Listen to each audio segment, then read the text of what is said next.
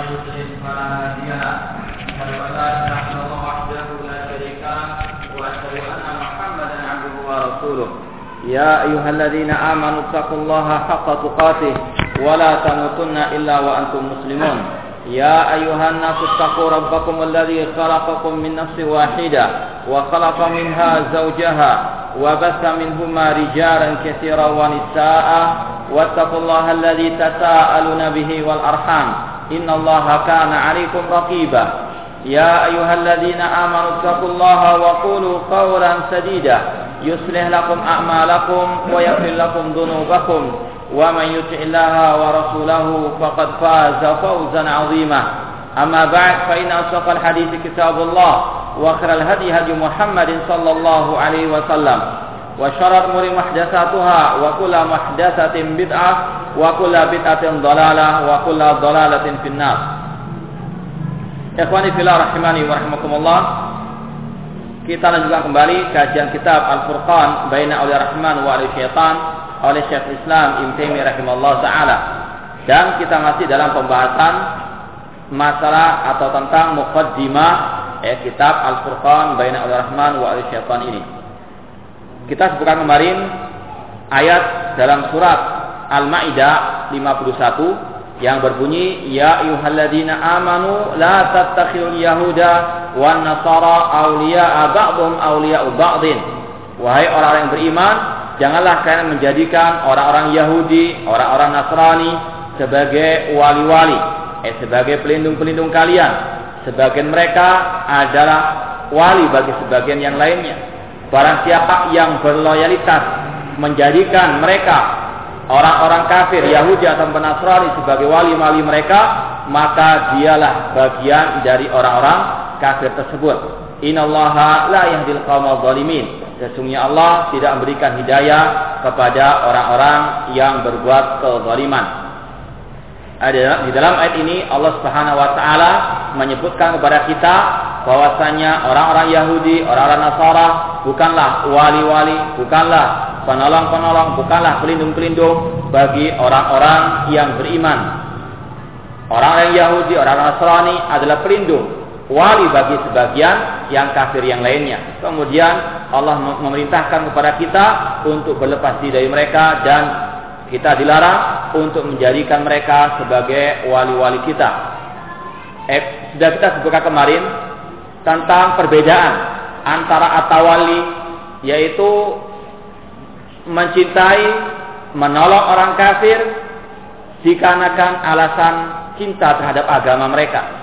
Menolong dan cinta karena agama orang kafir merupakan suatu kekufuran, merupakan suatu kemurtatan dari agama Allah Subhanahu wa taala.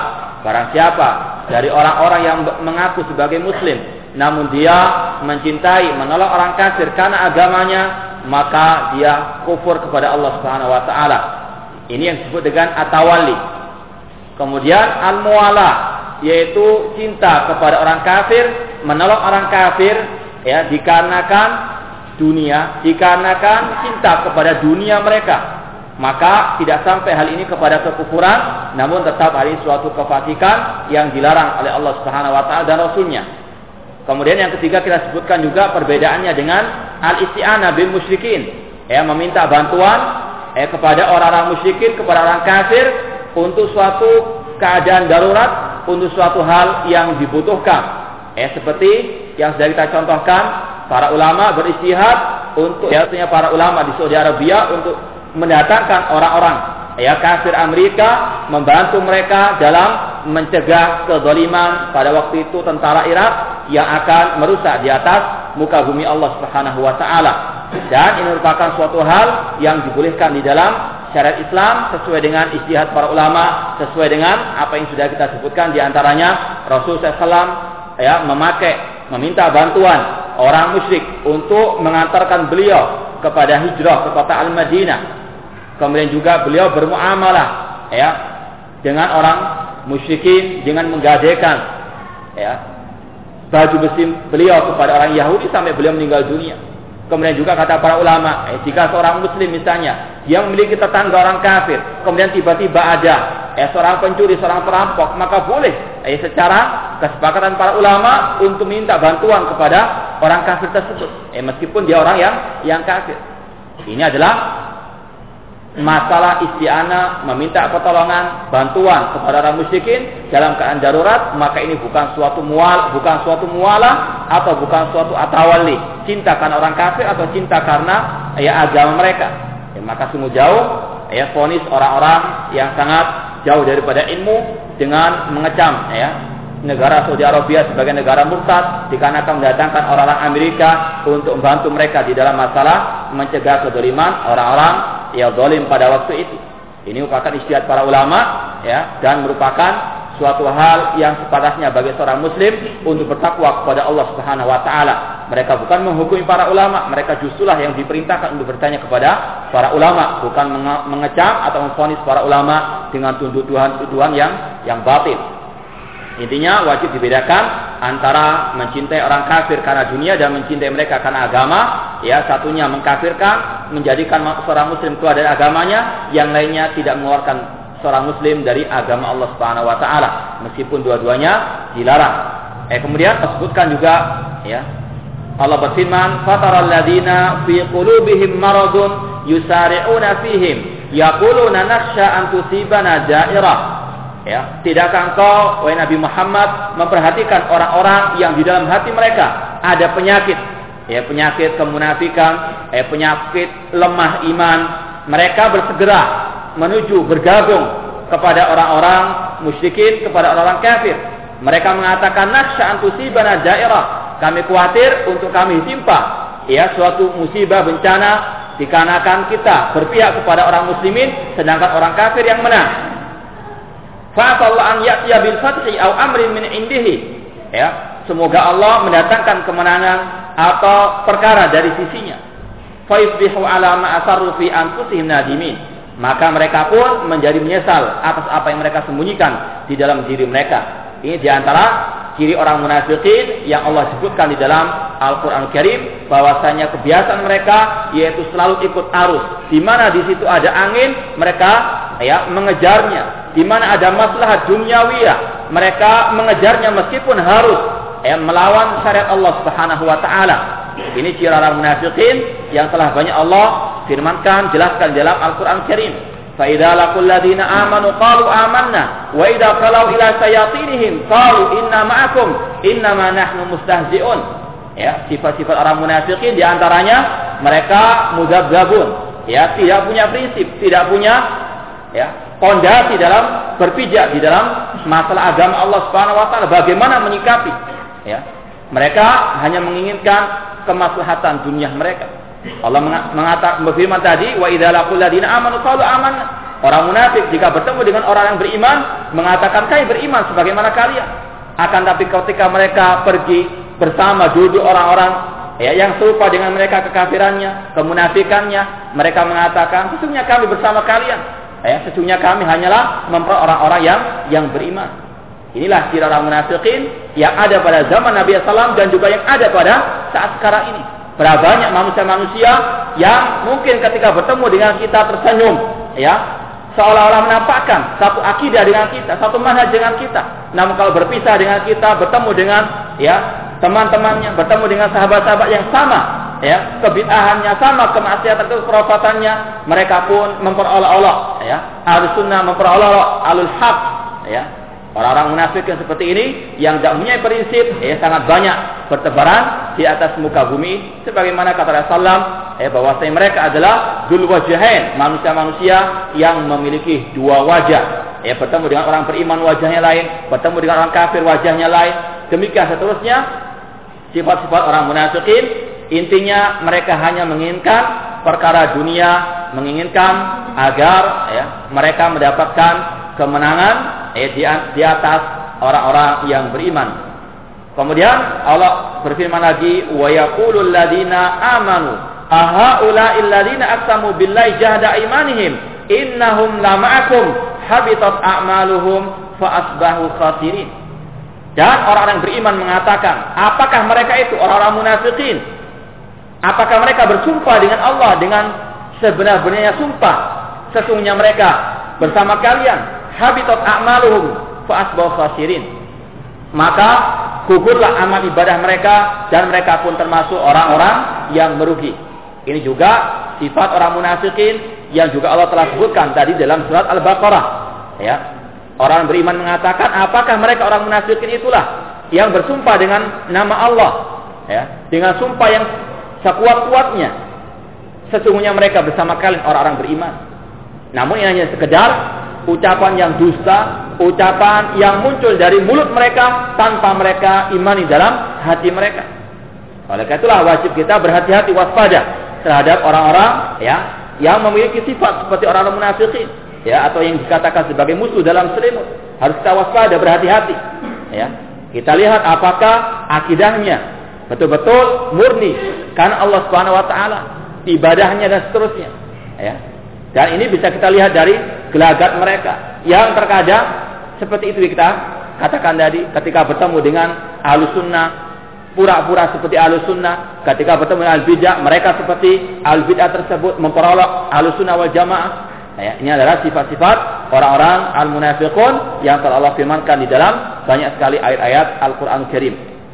Kemudian Allah berfirman ya ayuhalladzina amanu man yartadda minkum an dinihi Fasawfa ya'tillahu biqamin yuhibbun wa yuhibbuna azillatin 'alal mu'minin a'izzatin 'alal kafirin. Wahai orang yang beriman, barang siapa yang murtad di antara kalian eh dari agamanya, maka Allah akan mendatangkan sekelompok manusia, eh sekelompok manusia yang Allah mencintai mereka dan mereka pun mencintai Allah. Azillatin 'alal mu'minin. Mereka kasih sayang, lemah lembut kepada orang yang beriman, a'izzatin 'alal kafirin sangat keras kepada orang-orang kafir. Yujahiduna fi sabilillah. Sifat mereka, mereka berjihad di jalan Allah. Wala yakhafuna laumata laim dan mereka tidak takut dengan celaan orang yang mencela mereka. Itulah keutamaan zalika fadlullah yu'tihi man yasha wallahu wasi'un alim. Itulah keutamaan yang Allah berikan kepada siapa yang Allah kehendaki dan Allah Maha luas keutamaan karunia-Nya dan Allah Maha mengetahui. Kita lihat tafsir daripada Syekh Abdurrahman As-Sa'di rahimahullah taala tentang ayat ini dan insya Allah sangat bermanfaat tafsir beliau ini. Beliau mengatakan tentang ayat tadi, yukhbiru ta'ala annahul ghaniyyu 'anil alamin. Allah memberitahukan di dalam ayat tadi bahwasanya Allah Maha Kaya. Allah tidak membutuhkan alam semesta ini. Allah tidak membutuhkan hamba-hambanya. Kalau ada yang murtad, bukan Allah rugi eh, terhadap kemutatannya. Kalau ada orang berbuat kekufuran, berbuat kemaksiatan, Allah tidak rugi sama sekali. Ya, sebagaimana yang Allah telah jelaskan di dalam Al-Quran dan juga dalam sabda Rasul SAW dalam hadis qudsi Allah berfirman wa ma khalaqtul jinna wal insa illa liya'budun ma uridu minhum min rizqin wa la uridu an yut'imun innallaha war-razzaqu dzul dan tidaklah aku ciptakan jin dan manusia kecuali untuk mereka beribadah kepadaku Tidaklah aku menginginkan dari mereka untuk mereka memberikan aku makan atau untuk memberikan aku rezeki. Sesungguhnya Allah Ar-Razzaq yang maha memberi rezeki dan Allah maha perkasa. Allah tidak butuh dengan ibadah kita, namun kita yang butuh kepada Allah, butuh kepada pertolongan Allah Subhanahu wa taala. Demikian pula dalam hadis qudsi, Rasul SAW bersabda, Allah berfirman, "Ya ibnu Adam, lau anna awalakum wa akhirakum wa insakum wa jinnakum kanu ala atta qalbi rajulin wahid minkum ma zada dzalika fi mulki syai'a. Wahai bani Adam seandainya orang pertama dari kalian sampai yang terakhir pada hari kiamat dari jinnya maupun manusia berkumpul bersatu di atas hati yang paling bertakwa di antara kalian hal itu tidak menambah ya kekuasaan Allah kebesaran Allah Subhanahu wa taala sedikit pun Demikian pula sebaliknya kata Allah, "Lau anna awalakum wa akhirakum wa insakum wa jinnakum kanu ala afjari qalbi rajulin wahidin minkum ma naqasa dzalika min mulki syai'a." Demikian pula wahai Bani Adam, seandainya orang pertama dari kalian sampai yang terakhir hari kiamat, manusianya maupun jinnya, semuanya di atas hati yang paling busuk, yang paling jahat, yang paling kufur, ya, tidaklah hal itu mengurangi kekuasaan Allah Subhanahu wa taala. Oleh karena itulah kalau ada orang murtad, ada orang yang berbuat maksiat, berbuat kebid'ahan, Allah nggak butuh dengan mereka dan Allah akan mengutus manusia-manusia yang Allah pilih, yang betul-betul cinta kepada Allah dan Allah pun mencintai mereka. Allah Ta'ala dalam ayat tadi memberitahukan kepada kita Allah ghaniyun anil alamin, maha kaya, tidak butuh kepada makhluknya. Allahus samad, ya. Di antara mana Allahus samad yaitu Allah tempat bergantung, Allah tempat manusia untuk meminta kebutuhannya sedangkan dia tidak meminta kebutuhannya kepada makhluk-makhluknya. Allahu As-Samad. Wa anna man yartadda an dinihi falan yadurrallaha syai'a.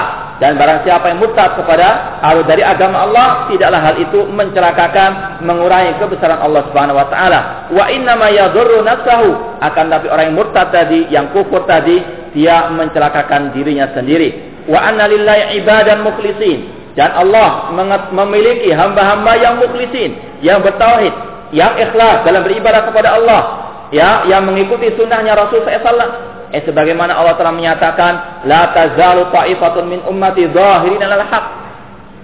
Senantiasa akan ada sekelompok manusia yang menempati yang tetap tegar, konsisten di atas kebenaran, menampakkan kebenaran. Eh meskipun banyak manusia yang kufur, banyak manusia yang eh berbuat kebidaan, namun masih ada sekelompok manusia yang tegak di atas kebenaran yang merupakan manusia-manusia pilihan Allah Subhanahu wa taala warijalan sadiqin, manusia-manusia yang jujur dalam keimanannya, bukan orang yang pelin-pelan, bukan orang-orang yang muzabzabun, bukan orang-orang yang memiliki sifat-sifat seperti orang munafikin yang tidak punya pendirian, yang tidak punya prinsip dalam hidup ini.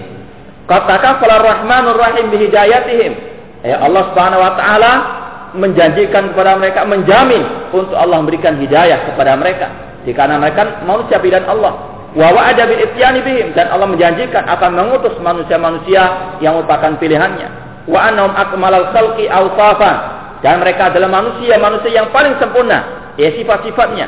Wa nufusan ya. Dan mereka adalah orang yang paling kokoh, yang paling kuat. Ya. Jiwanya.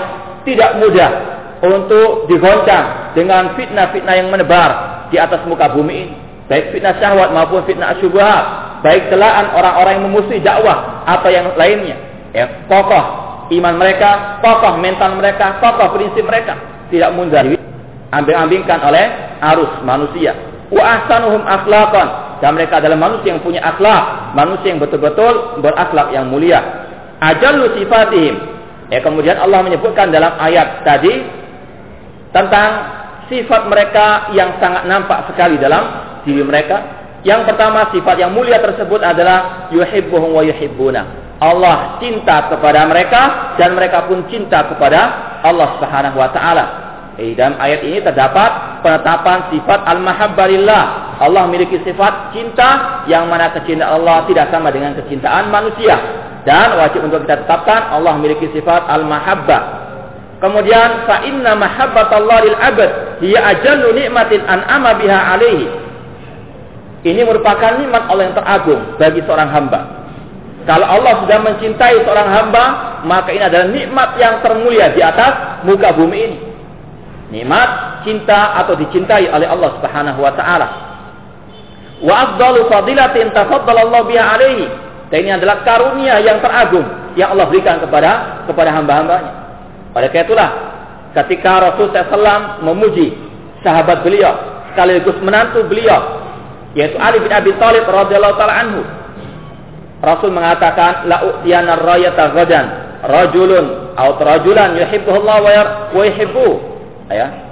Rasul mengatakan, aku akan memberikan bendera ini, bendera jihad kepada seseorang yang Allah mencintainya dan dia pun mencintai Allah Subhanahu wa taala. Dan ini di antara manqabah keutamaan Ali bin Abi Thalib, Rasul menyatakan Allah cinta kepadanya dan merupakan anugerah termulia yang Allah berikan kepada hamba-hambanya. Wa idza ahabballahu 'abdan yasurul asbab. Eh mengapa cintanya Allah dikatakan anugerah termulia pada diri seorang hamba, nikmat yang teragung pada diri seorang hamba. Karena kalau Allah cinta kepada hambanya, maka pasti Allah akan mempermudah segala urusan-urusan wa hawan alikulla asirin dan Allah akan memudahkan sesuatu yang sulit pada dirinya wafaqahu li fi'lil khairat dan Allah akan berikan taufik hidayah kepadanya untuk dia berbuat kebaikan wa tarkil munkarat dan untuk dia meninggalkan segala bentuk kemungkaran. Maka inilah nikmat yang termulia. Kalau Allah cinta kepadanya, Allah selalu memberikan hidayah, Allah selalu mempermudah segala urusannya dan semuanya ya akan dimudahkan Allah Subhanahu wa taala untuk dia selamat di dunia dan akhirat, untuk dia meraih kebahagiaan di dunia dan di akhirat. Wa akbara bi qulubi ibadi ilai bil mahabbati wal wajad dan Allah yang menghadapkan wajahnya kepada hati-hati hambanya dengan penuh kecintaan. Kemudian Wa min lawazimi mahabbatil abdi li rabbih. Kalau tadi cintanya Allah kepada hambanya. Itu Allah memberikan banyak sekali kemudahan, memberikan banyak sekali kenikmatan dan karunia. Namun sebaliknya, seorang hamba jika cinta kepada Allah demikian pula ada konsekuensinya. Bukan hanya sekedar menyatakan dirinya cinta kepada Allah Subhanahu wa taala. Sebagaimana dilakukan oleh orang-orang Nasara yang mengatakan nahnu ahib nahnu Allah wa ahibbah kami adalah anak-anaknya Allah dan orang yang dicintai oleh Allah Subhanahu wa taala. Ini bukan hanya sekedar pengakuan. Eh cinta kepada Allah wa min lawazimil mahabbatil abdi rabbih annahu la budda an yattasifa bi mutaba'atir rasuli sallallahu alaihi wasallam zahiran wa batinan kalau ada orang yang mengatakan cinta kepada Allah konsekuensinya dia harus ya mengikuti jejaknya Rasul Shallallahu Alaihi Wasallam secara zahir maupun batin ya. Batinnya hatinya meyakini kewajiban untuk mengikuti jejak Rasulnya Shallallahu Alaihi Wasallam di dalam segala keadaannya fi akwalihi dalam ucapannya wa amali dalam perbuatannya wa jami ahwali dalam segala keadaannya kalau ada orang cinta kepada Allah kewajibannya mengikuti jejaknya Rasulnya Shallallahu Alaihi Wasallam tidaklah dia melangkah kecuali ya mengenal dahulu apakah ini ada dasarnya atau tidak dari sunnahnya Rasul Shallallahu Alaihi Wasallam. Kalau dia cinta kepada Allah, dia ada sholat kecuali sesuai dengan ajarannya Rasul SAW. Kemudian juga tidak merayakan suatu perayaan hari besar kecuali kalau ada dalilnya dari Rasul Shallallahu Alaihi Wasallam. Karena memang cinta kepada Allah haruslah mengikuti Rasulnya Shallallahu Alaihi Wasallam dalam kehidupannya sehari-hari. Sebagaimana Allah berfirman qul in kuntum tuhibbunallah fattabi'uni yuhibbukumullah. Katakanlah jika kalian wahai kaum muslimin cinta kepada Allah maka ikutilah aku kata Rasul sallallahu alaihi wasallam.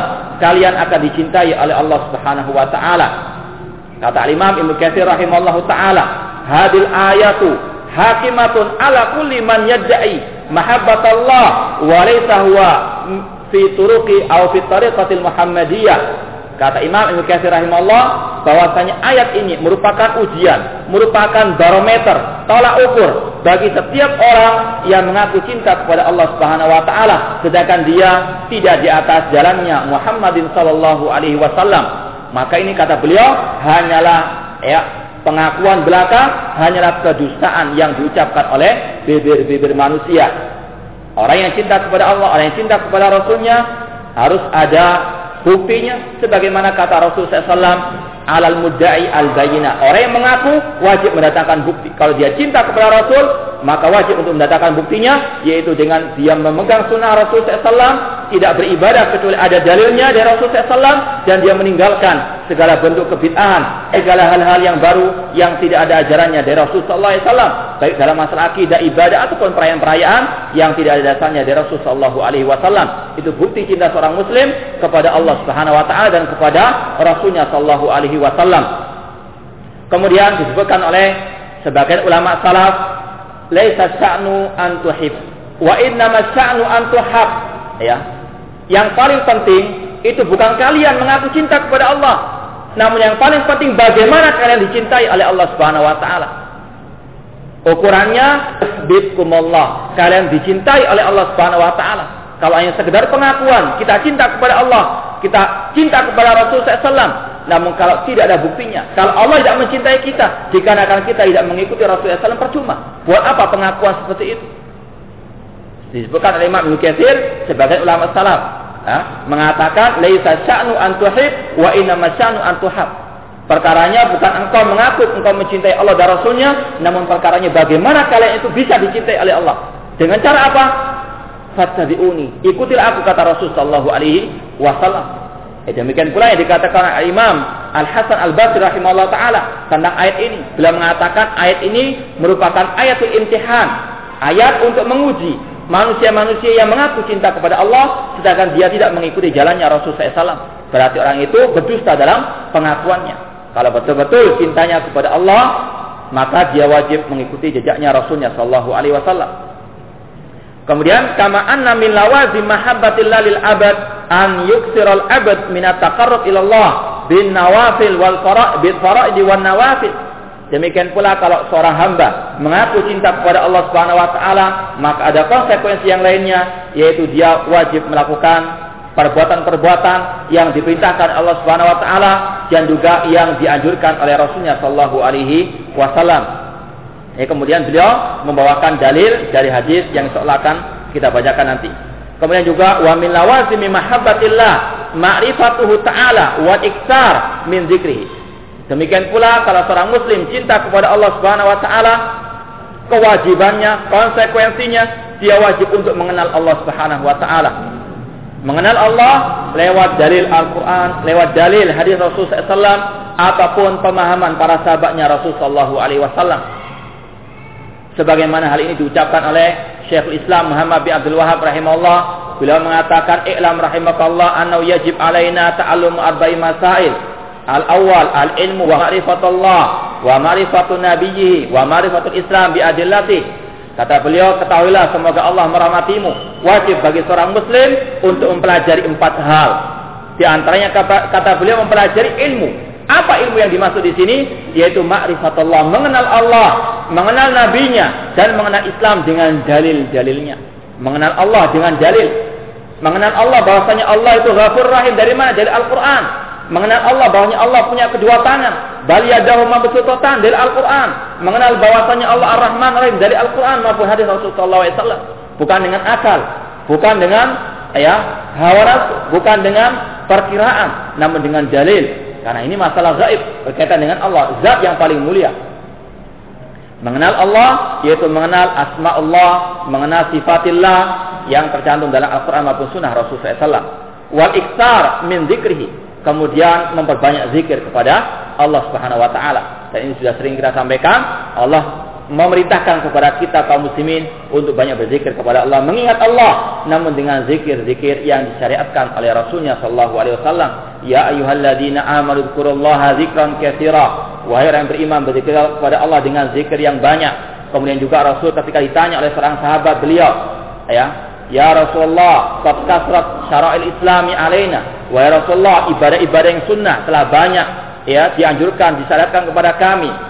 Fababun atamassaku bih jami'un. Apakah ada ya kunci? Apakah ada satu ibadah yang mencakup semua itu yang aku berpegang teguh dengannya? Kemudian Rasul mengatakan la yazal lisanu karabban min dzikrillah. Senantiasalah lisanmu basah dengan zikir kepada Allah Subhanahu wa taala. Ya, sering kita sampaikan bahwasanya seorang muslim hidupnya penuh dengan zikir kepada Allah. Dari dia bangun tidur sampai dia mau tidur lagi, hidupnya penuh zikir kepada Allah Subhanahu wa taala. Dan Rasulullah SAW telah menjelaskan ya, banyak sekali macam-macam zikir yang selainnya bagi seorang muslim untuk mengikuti zikir-zikir beliau dan mengarang-arang zikir-zikir yang baru.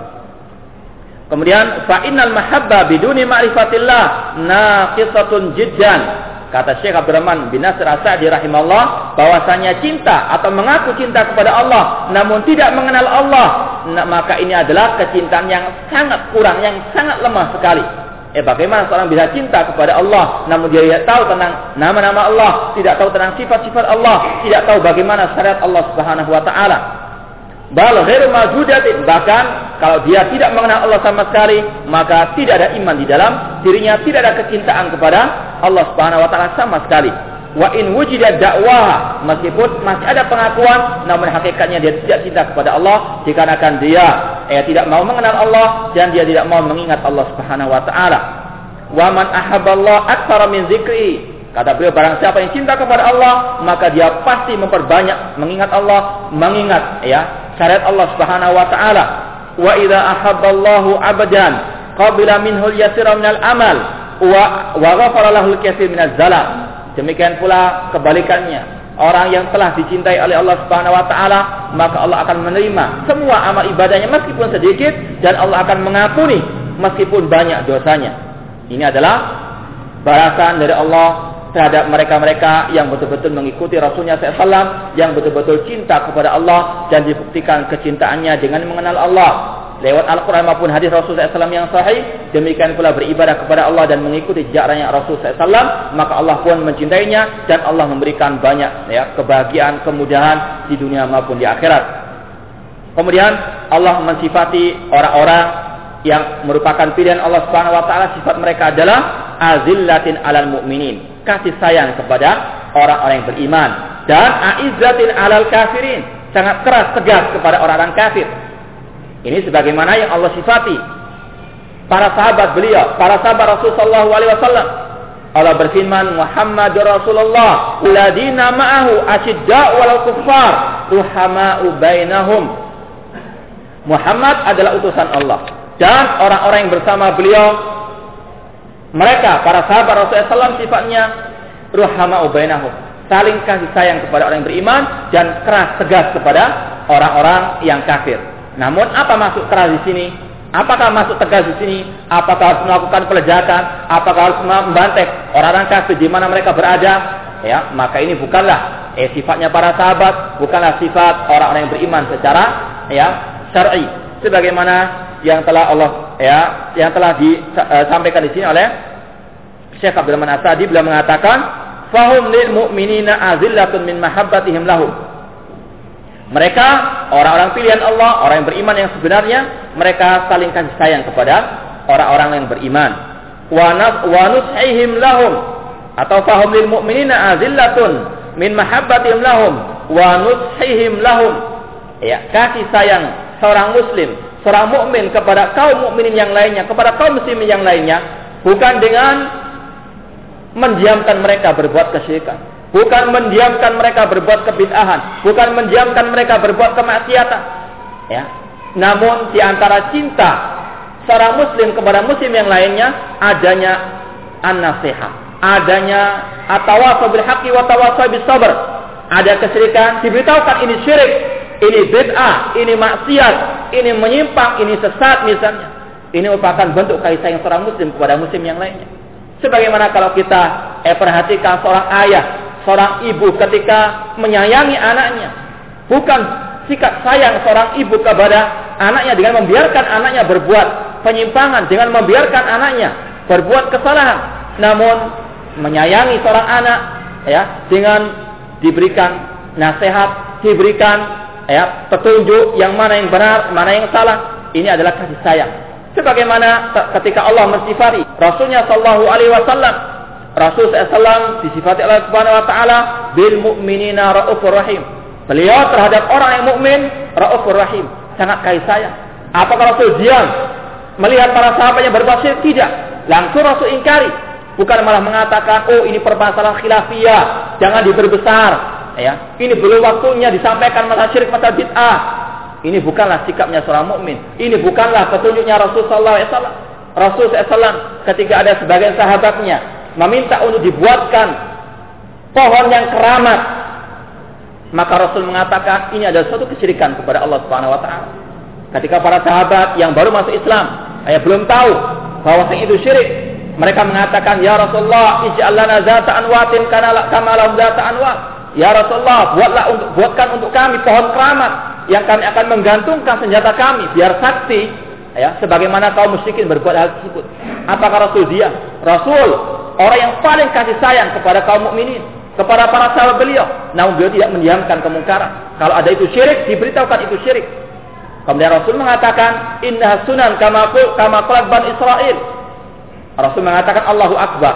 Ini adalah sesuatu yang besar, ya. Allah Maha besar. Ini adalah sunan, jalan, jalan atau metodenya orang-orang Bani Israel ketika mereka meminta kepada Nabi Musa untuk dijadikan sesembahan selain Allah Subhanahu wa taala.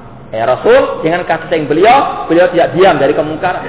Ya maka demikian pula kalau ada orang menasihati bahwasanya ini syirik, ini bid'ah dengan dalilnya, maka ini bentuk kasih sayang kepada kaum muslimin. Eh bukan memecah belah kaum muslimin, malah ini menyatukan kaum muslimin di atas akidah yang benar, di atas sunnahnya Rasul Shallallahu Alaihi Wasallam. Kemudian walini warifqihim warafatihim warahmatihim bihim wasuhulati janibihim Eh kemudian juga di kasih sayang mereka bersikap lemah lembut kepada orang-orang yang beriman.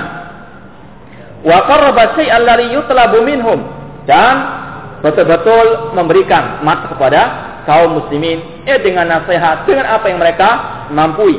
Wa 'alal kafirina billah mu'al mu'anidina li ayati al mukadzibina li rusuli a'izzatan qad istamat ihmamuhum wa azaimuhum ala mu'adatihim itu kalau sikapnya orang muslim kepada kaum mukminin, berlemah lembut, saling nasihat menasihati di atas kebenaran, di atas kesabaran. Namun sebaliknya, sikap orang mukmin terhadap orang kafir yang menentang ayat-ayat Allah, yang kufur kepada Allah, yang berbuat kepada Allah, mereka sangat keras dan mereka telah bertekad ya dengan tekad yang bulat untuk memusuhi, membenci orang-orang kafir tersebut.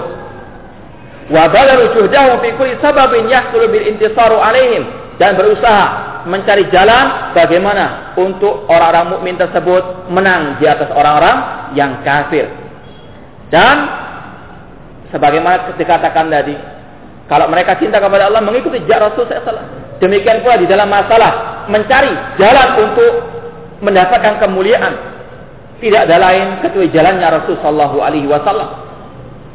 Dan Allah telah memberikan penjelasan, memberikan jalan kepada kaum muslimin bahwasanya tidak ada kemenangan, tidak ada kemuliaan bagi kaum muslimin terhadap orang-orang kafir kecuali dengan mereka betul-betul memiliki ilmu yang nasik, bermanfaat, ilmu yang berlandaskan Al-Quran dan Sunnah, dan mereka memiliki al-amal soleh.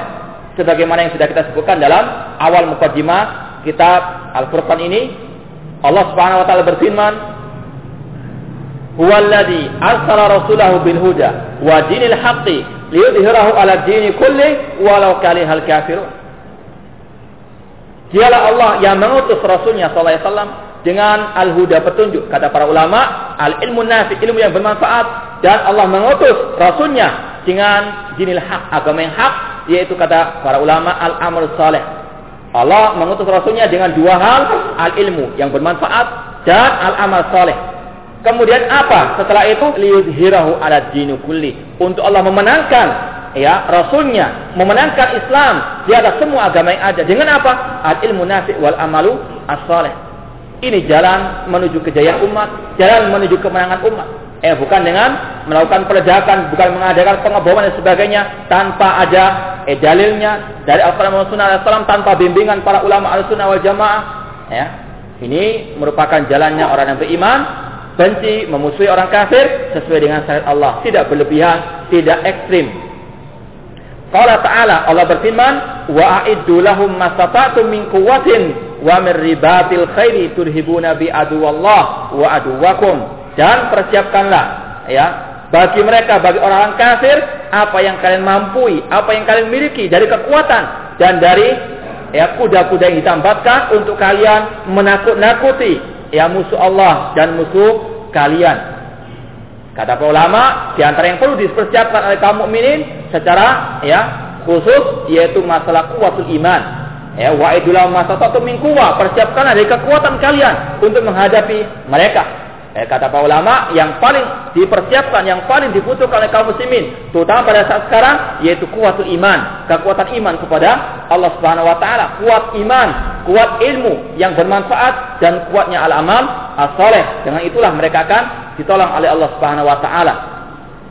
Kemudian Allah berfirman, wa ta'ala asyidda wal kuffaru hama'u bainahum Eh di antara sifat sahabat tadi, di antara sifat orang mukmin, mereka keras terhadap terhadap orang kafir dan kasih sayang kepada orang-orang yang mukmin. Fal ghildatu wa shiddatu ala a'da'illah mimma yuqarribul abda ilallah.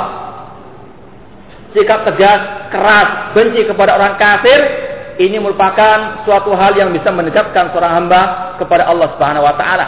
Dan ini merupakan awsaqul iman, ya sekuat-kuat tali keimanan seorang muslim kepada Allah yaitu al-hubbu fillah wal bughdu fillah. Cinta karena Allah dan benci karena Allah. Cinta kepada orang yang mencintai Allah dan benci kepada orang yang benci kepada Allah yang kafir kepada Allah Subhanahu wa taala. Wa yuwafiqul 'abdu rabbahu fi sukhtihi alaihim. Dan kalau orang mukmin membenci orang kafir, maka dia telah mengikuti ajaran Allah yang mana Allah juga benci kepada orang kafir tersebut. Di antaranya orang-orang al-Yahud, ghairil maghdubi alaihim Allah mengatakan mereka orang Yahudi ada orang yang dimurkai Allah, maka kita juga wajib memurkai mereka. Harus kita tanamkan kebencian kepada semua orang kafir yang ada di atas muka bumi ini. Tidak boleh ada kecintaan sama sekali kepada mereka. Kemudian kata beliau wala tamna'ul ghildatu alaihim wa da'watuhum atau da'watahum ila dinil islami billati hiya ahsan. Namun sikap keras kita, sikap benci kita kepada orang kafir ya bukan menghalang kita untuk mendakwai mereka orang kafir kepada agama Islam dengan cara yang baik. Bukan dengan cara peledakan. Bukan dengan cara membantai orang-orang kafir yang tidak memerangi kaum muslimin. Ya, terutama orang-orang kafir yang musta'manu yang dikatakan oleh para ulama mereka adalah orang-orang kafir yang diharamkan untuk dibunuh di daerah atau di negara-negara Islam. Sebagaimana Rasul mengatakan man qatala muahadan lam yarah rayatal jannah. Barang siapa membunuh orang kafir yang muahad yang masuk ke negeri kaum muslimin dengan cara damai. Eh, barang siapa membunuh orang kafir tersebut maka dia tidak mencium bau surga. Rasul mengancam. Yang Sahih Bukhari. Eh, hadis tersebut disebutkan oleh Al-Imam Bukhari rahimahullah ta'ala. Ini menunjukkan tidak semua orang kafir untuk kita bantai, untuk kita eh, bunuh. Ya, apalagi dengan cara yang sangat ekstrim dan sebagainya. Kata Syekh Muhammad Syekh Abdurrahman As-Sa'di rahimahullah bahwasanya sikap benci kita, sikap permusuhan kita kepada mereka ya tidak menghalang kita untuk mendakwahi mereka dengan cara yang baik. Dengan kita menampakkan akhlak yang baik meskipun dengan penuh ketegasan, bukan dengan kita ya, merendahkan diri di hadapan mereka tidak. Namun kita harus punya sikap. Demikian pula harus kita betul-betul mendakwah ke dalam Islam dengan akhlak kita, eh, dengan agama Allah yang Allah ridhoi bagi kita. Fatastamiul ghilzatu alaihim walinu fi da'watihim maka tergabunglah antara sikap keras dan sikap lemah lembut dalam mendakwah mereka. Itu dengan kita menampakkan akhlak yang baik. Kita bukan orang-orang yang bengis, bukan orang-orang yang kejam dan lain sebagainya. Ya. Sebagaimana Allah telah firmankan, La Allahu 'anil ladina lam yuqatilukum fid din wa lam yukhrijukum an diyarikum an tabarruhum wa tuqsitu ilaihim. Innallaha yuhibbul muqsitin. Ya Allah tidak melarang kalian untuk kalian berbuat baik, berbuat adil kepada orang-orang kafir yang tidak mengeluarkan kalian dari rumah-rumah kalian dan tidak ya memerangi kalian. Dan sesungguhnya Allah cinta kepada orang yang berbuat yang adil. Sekali lagi, bedakan antara membenci orang kafir, memusuhi orang kafir dengan kita berbuat ekstrim, berbuat berlebihan dalam membenci mereka dengan melakukan peledakan-peledakan di negeri kaum muslimin dengan hujah, dengan dalih memerangi orang-orang kafir tersebut. Orang kafir yang masuk ke dalam negeri kaum muslimin maka diharamkan untuk dibunuh. Barang siapa membunuh mereka maka kata Rasulullah lam jannah Orang itu dia akan mencium bau bau surga. Eh jihad memerangi orang kafir ada waktunya, ada syarat-syaratnya. Bukan kita menyadarkan, menihilkan ke jihad dan sebagainya. Nauzubillah min dzalik. Namun jihad ada waktunya, membantu orang kafir ada waktunya. Ya, ada syaratnya, ada bimbingan dari para ulama, bukan dengan kita mengada-ada sendiri. Kemudian wakil al-amraini min maslahatihim wa nas'ihi aidun ilaihim. Adapun kemaslahatan dakwah kepada orang kafir kemaslahatan kita berbuat keras kepada orang kafir, kemaslahatannya kembali kepada orang kafir tersebut karena dengan mereka masuk Islam, mereka akan selamat di dunia maupun di akhirat. Kemudian di antara sifat orang mukmin sejati dalam ayat ini Allah berfirman yujahiduna fi sabilillah. Berjihad di jalan Allah.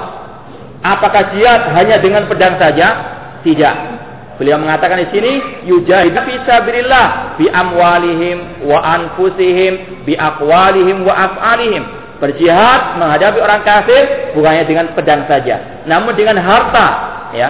Dengan seorang muslim misalnya bersedekah kepada orang muslimin yang duafa yang fukara, terutama di daerah-daerah yang ya rawan kristenisasi misalnya, dengan mereka menginfakkan hartanya di daerah tersebut, menyelamatkan akidah kaum muslimin dari kristenisasi tersebut, maka inilah di antara bentuk jihad fisabilillah membantu dakwah menyebarkan dakwah ya dengan mencetak buku-buku yang menyeru kepada akidah yang benar menyeru kepada Al-Quran Sunnah Rasulullah SAW atau buletin atau majalah ya untuk dakwah di atas jalan Rasulullah SAW dan para sahabatnya. Ini adalah bentuk jihad di jalan Allah Subhanahu Wa Taala. Jihad dengan harta. Kemudian jihad dengan eh, nyawa dengan jiwa yaitu dengan berjihad jalan Allah. Ketika pada waktunya telah dikumandangkan jihad bisa bila maka bagi seorang muslim wajib untuk betul-betul meniatkan berjihad dan pada waktunya tiba wajib untuk mereka betul-betul melaksanakan perintah Allah yang satu yang mulia ini yaitu jihad di medan peperangan. Kemudian diakwalihim di antara bentuk jihad yaitu dengan ucapan, dengan dakwah, dengan nasihat, menasihati kaum muslimin kembali kepada agama Allah Subhanahu wa taala, menasihati kaum muslimin untuk menegakkan sunnah Rasulullah SAW, membantah alil bid'ah, membantah pelaku kesesatan, merupakan bentuk jihad fisabilillah. Seperti yang dikatakan oleh para ulama salaf. Eh, di antaranya Syekhul Islam Ibnu Taimiyah mengatakan ar-radu alal mubtadi mujahid, orang yang membantah pelaku kebid'ahan, membantah ya para pelaku bid'ah atau mubtadi, maka dialah seorang mujahid Bahkan kata seorang sahabat Rasulullah Abu Said Al Khudri radhiyallahu anhu bahwasanya memerangi ya orang-orang khawarij ya itu lebih aku cintai daripada memerangi orang kafir. Kemudian disebutkan tafsirnya oleh para ulama salaf yang lainnya di antaranya Ibnu Hubairah mengatakan bahwa saya maksud dari ucapan Abu Sa'id Al-Khudri tersebut bahwasanya seorang muslim, seorang alim, seorang dai ketika membantah al-bid'ah di antara golongan khawarij mereka menyelamatkan ya orang alim muslimin menyelamatkan modalnya kaum muslimin ya. Yaitu dengan mereka menyatukan kaum muslimin di atas akidah yang benar ya. Maka kata beliau memerangi orang khawarij membantah orang khawarij ini menjaga modal usahanya kaum muslimin. Sedangkan memerangi orang kafir ini mengharapkan untung keuntungan dalam modal usaha dan dalam kaidah perdagangan menjaga modal usaha lebih diutamakan daripada mendapatkan keuntungan. Tidak akan mungkin keuntungan bisa dicapai kalau modal usahanya masih belum stabil. Kata Abu Said Al-Khudri seorang sahabat Rasulullah, aku lebih cinta untuk memerangi orang khawarij daripada memerangi orang-orang kafir. Karena apa? Tidak akan mungkin kaum muslimin berhasil memerangi orang kafir sedangkan di dalam tubuh kaum muslimin masih terdapat banyak penyakit, masih terdapat ya, borok dan sebagainya yang mana seorang muslim wajib menghilangkan ya kekurangan dalam dirinya, dalam tubuhnya, penyakit dalam tubuhnya, kemudian baru melawan orang kafir. Demikian pula yang dikatakan oleh Yahya bin Yahya, salah seorang guru Imam Bukhari rahimahullah. Beliau mengatakan bahwasanya ini uhibbu an uqatila man yarudda hadis sallallahu atau kitalu haula'il ladina yarudduna alaihi wasallam ahabbu ilayya min an uqatilahum an uqatila ahla turk Kata Yahya bin Yahya bahwasanya memerangi orang-orang yang membantah, yang mengingkari hadis Rasulullah SAW lebih aku cintai daripada aku memerangi orang-orang kafir. Ya, karena apa? Tidak mungkin kita bisa memerangi orang kafir kalau di dalam tubuh kaum muslimin banyak perpecahan, banyak perselisihan di dalam masalah urusan akidah mereka. Dibersihkan dahulu akidah kaum muslimin, dibersihkan dahulu ibadah kaum muslimin dari kebid'ahan, baru kaum muslimin akan memiliki kekuatan dan akan sanggup memerangi orang-orang kafir jihad dan demikian pula dikatakan oleh Rasul SAW Rasul bersabda dalam hadis riwayat Abu Dawud jahidul musyrikina bi amwalikum wa anfusikum wa alsinatikum. Perangilah orang-orang musyrikin dengan lisan-lisan kalian dengan dakwah. Kemudian wa anfusikum dengan jiwa kalian dan dengan amwalikum dengan harta-harta kalian. Eh, jihad sekali lagi tidak dibatasi dengan pedang namun apa yang dimiliki oleh kaum muslimin kalau dikerahkan untuk berjuang di jalan Allah maka itulah salah satu bentuk jihad di jalan Allah Subhanahu wa taala. Kemudian di antara sifat orang mukmin sejati tadi la yakhafuna laumata laim. Mereka tidak takut dengan celaan orang yang mencela mereka kalau mereka sudah berada di atas jalan Allah Subhanahu wa taala. Bal yuqaddimuna ridha rabbihim. Bahkan orang beriman selalu mengutamakan, mengedepankan ridha Allah Subhanahu wa taala. Selama mereka memiliki dalil dalam akidah mereka, dalam ibadah mereka, mereka berjalan, mereka konsisten meskipun banyak orang yang menentangnya, meskipun banyak orang yang mencelanya, namun selama dia tahu dirinya di atas kebenaran, di atas akidah yang benar, di atas ibadah yang benar, tidak menggubris ya celaan orang yang mencela mereka. La yakhafuna fillahi lauma Tidak takut terhadap celaan orang yang mencela atau terhadap ya, tidak takut dengan celaan orang yang mencela mencelahnya. Ini adalah sifat-sifat apa ifama surah al-sunnah wal jamaah al-firqatun najiyah. Sebagaimana yang diucapkan oleh seorang ulama salaf Abu Zul Ar-Razi atau selain beliau mengatakan ilzam tariqal huda wala yadurruka qillatu salikin wa iya, iyyaka wa turqad wala taftaru bi kasatil halikin. Ya tetapilah konsistenlah di atas jalan kebenaran dan tidaklah akan memungkinkan tidaklah mencelakakan kalian orang-orang yang sedikit menjalani jalan kebenaran tersebut dan jauhilah jalan-jalan kesesatan dan jangan kalian tertipu dengan banyaknya orang yang binasa di atas jalan kesesatan tersebut. Ya mudah-mudahan yang kita sampaikan manfaat. Wallahu taala wa da'wana alhamdulillahirabbil alamin. Wassalamualaikum warahmatullahi wabarakatuh.